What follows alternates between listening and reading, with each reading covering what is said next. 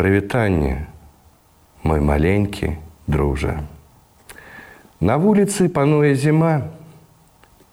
І вядома, казачка наша будзе пра яе, пра нашу любую зімушку зіму.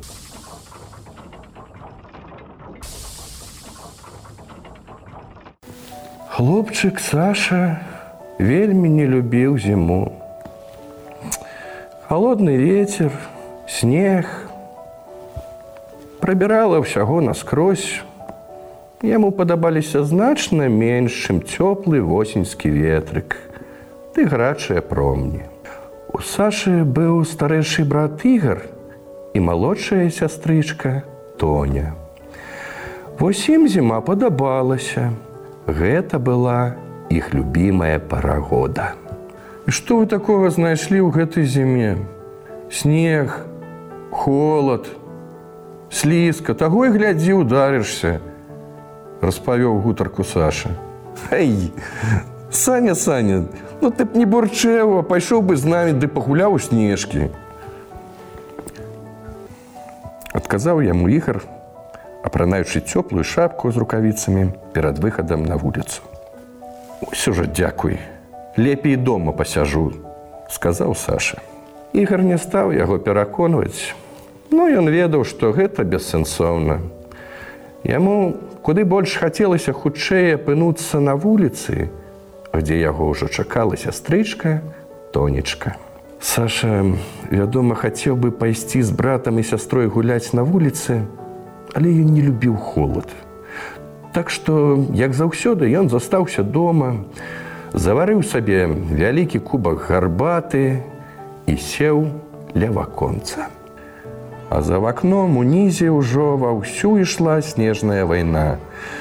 Да ігара і тоні далучыліся іншыя хлопцы з двара і здавалася, што ім вельмі падабаецца гэтая гульня. Ой, ціха падалі снежныя шматкі. Саша прыхінуўся галавой да вакенца і неўзабаве задрамаў. Калі Саша расплюшыў вочы, ён са здзіўленнем выявіў, што знаходзіцца не дома. Больш таго, Ён быў на вуліцы пасярод вялізнага снежнага поля, а ў далечыні было відаць снежныя вароты. Саша агледзеўся і пабачыў побач з сабою невялікага снегавіка. Ён быў вельмі пацешным. Вочы з чорных гузікаў і нос морква, а на галаве чырвоны таст замест капелюша. Хлопчык уважліва вывучаў мудрагелістую снежную постаць. Ты чаго глядзіш? Загаварыў снегавік. Ой, прабачце, я не ведаў, што вы жывы. Імя маё Саша адказаў хлопчык здзіўлена. Прывітанне, Саша, А я снегавік. Я тут, каб праводзіць цябе у свет, дзе жыве царэўна зіма. Снегавік ледзь прыўзняў таз на галаве у знак прывітання. Я вельмі хачу з ёй пазнаёміцца. Толькі кажучы па праўдзе, я не люблю зіму. Ну, Саша не любіў падманваць, таму сказаў снегавіку праўду. Як? Не можа быць. Ды я гэтаму не веру. Усклікнуў снегавік, Ён быў вельмі здзіўлены і да таго ж засмучаны. Сашы стала няёмка ад таго, што ён засмуціў новага знаёмага, ён зразумеў, што неветліва адмаўляцца ад падарожжа ў зімовае царства. Тым больш, што надта яму хацелася ўбачыць у жывую сапраўдную царэўну. Браць сястрой будуць вельмі зайздросціць, калі ён гэта ім раскажа. Прабачце снегавік, калі я вас пакрыўдзіў. Я з радасцю прайду з вами у зімовы свет. Толькі я зусім не ведаю, як сябе паводзіць і што рабіць зімой. Хлопчык вырашыў паспрабаваць усё зрабіць па правілах. Не хвалюся. Я памагу. Снегавік прыкметна падбадзёрыўся, Ён быў рады дапамагчы хлопчыку. З чаго пачнем? Зацікаўлена спытаў Саша, якому не цярпелася пачаць вандравання. Перш наперш. Цябе трэба уцяпліць. А то ты атрымаеш абмаражэнне. Нават не дайшоўшы да царэўны. Зімой да выхаду на вуліцу трэба добра падрыхтавацца. Табе варта надзець пабольш пластоў адзення. Калі асабліва зараз на вуліцы мароз. Важным голасам выміваў снегавік. А гэта абавязкова. Я ж буду падобны да капусты. Запярэшыў Саша. Хоць ён і не любіў холад, але не хацеў насіць сто слаёў адзення адразу.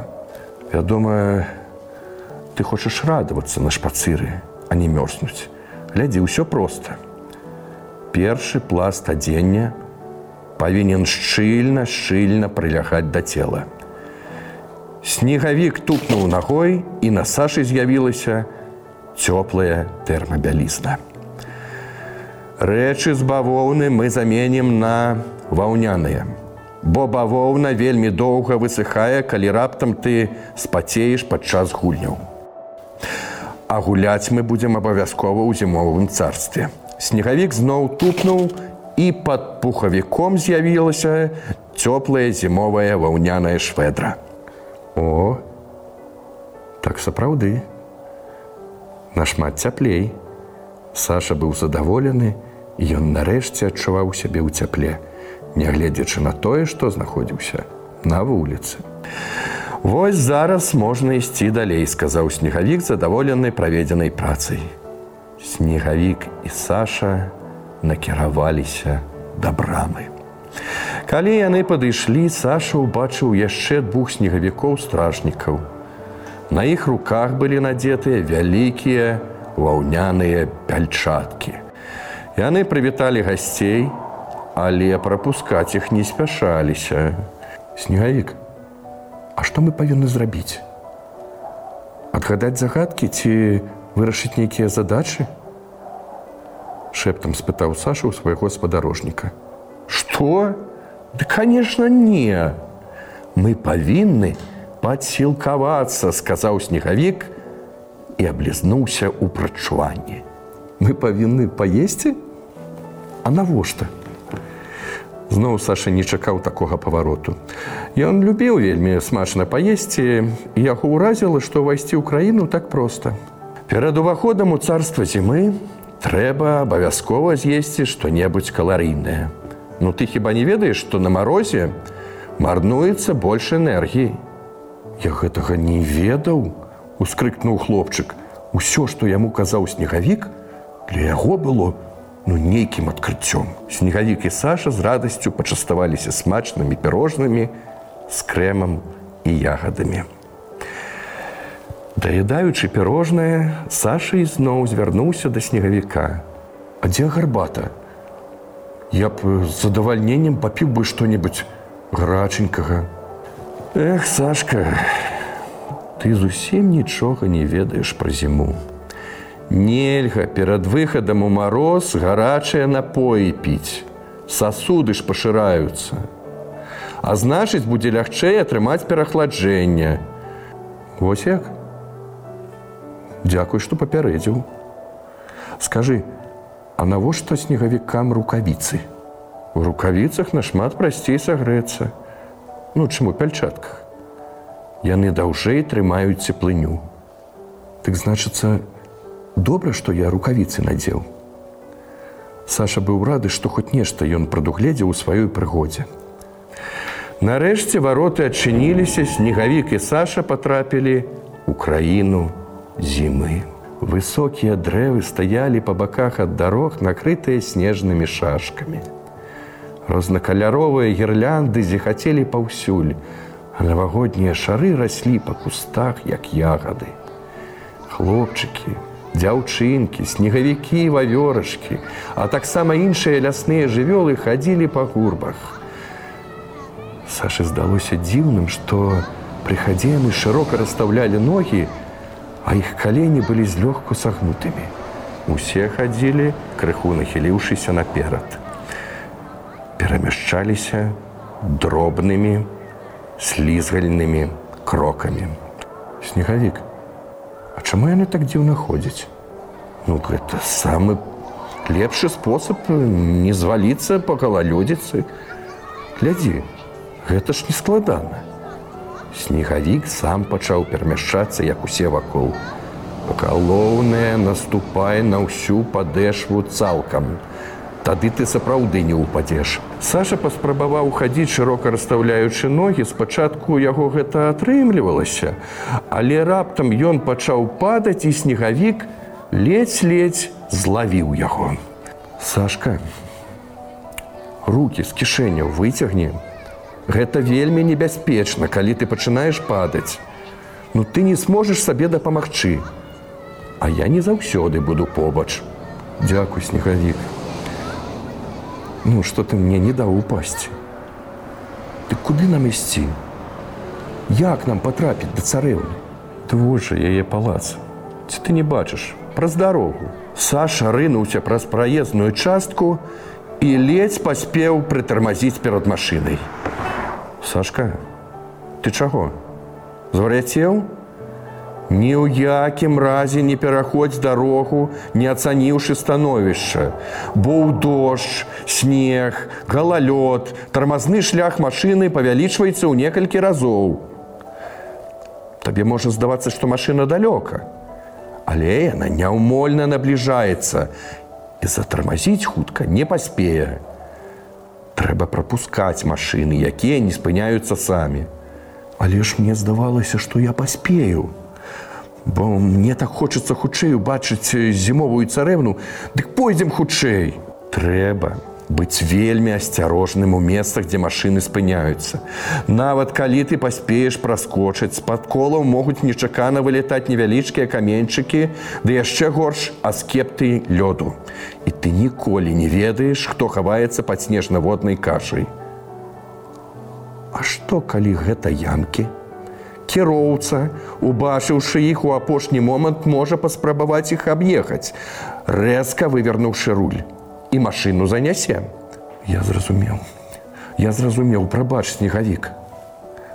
Без цябе я прапаў у гэтым вось дзіўным царстве. Яны перайшлі дарогу і апынуліся ля палацу. Ну а далей ты сам. Я табе дапамог чым змог, добрай сустрэчы зімовай царэўнай. На развітанне сказаў снегавік. А хіба ты не пойдзеш са мной? Не, Саша, я не магу. У палацы я расстану. Але ж ты пасябруеш царэўнай, я ўпэўнены. Саша развітаўся са снегавіком, яшчэ раз падзякваў яму і ледзьве адкрыўшы дзверы ў палац, ён прачнуўся. Ён сядзеў каля акна, а ўнізе на вуліцы хлопцы ўжо скончылі гуляць у снежкі і будаваць замкі. Цяпер яны ляпілі пацешных снегавікоў. Саша прыгледзеўся, больш уважліваю убачыў таго самага снегавіка з чырвоным тазам на галаве замест капелюша а недалёка ад яго і двух іншых у цёплых рукавіцах. Няўжо гэта быў толькі сон. Сумна падумаў хлопчык. Але нечакана ён заўважыў, што снегавік нібы махае яму рукой. Тады Саша зразумеў, што ён сапраўды пабываў у магічнай краіне і зараз ведае, як трэба паводзіць сябе зімой. Ён вырашыў, што наступным разам ён абавязкова пойдзе гуляць разам з братам і сястрой. А пра сваё падарожжа і мне раскажа. Гэта будзе яго вялікая зімовая таямніца. Да пабачэння. Да хуткай новай сустрэчы.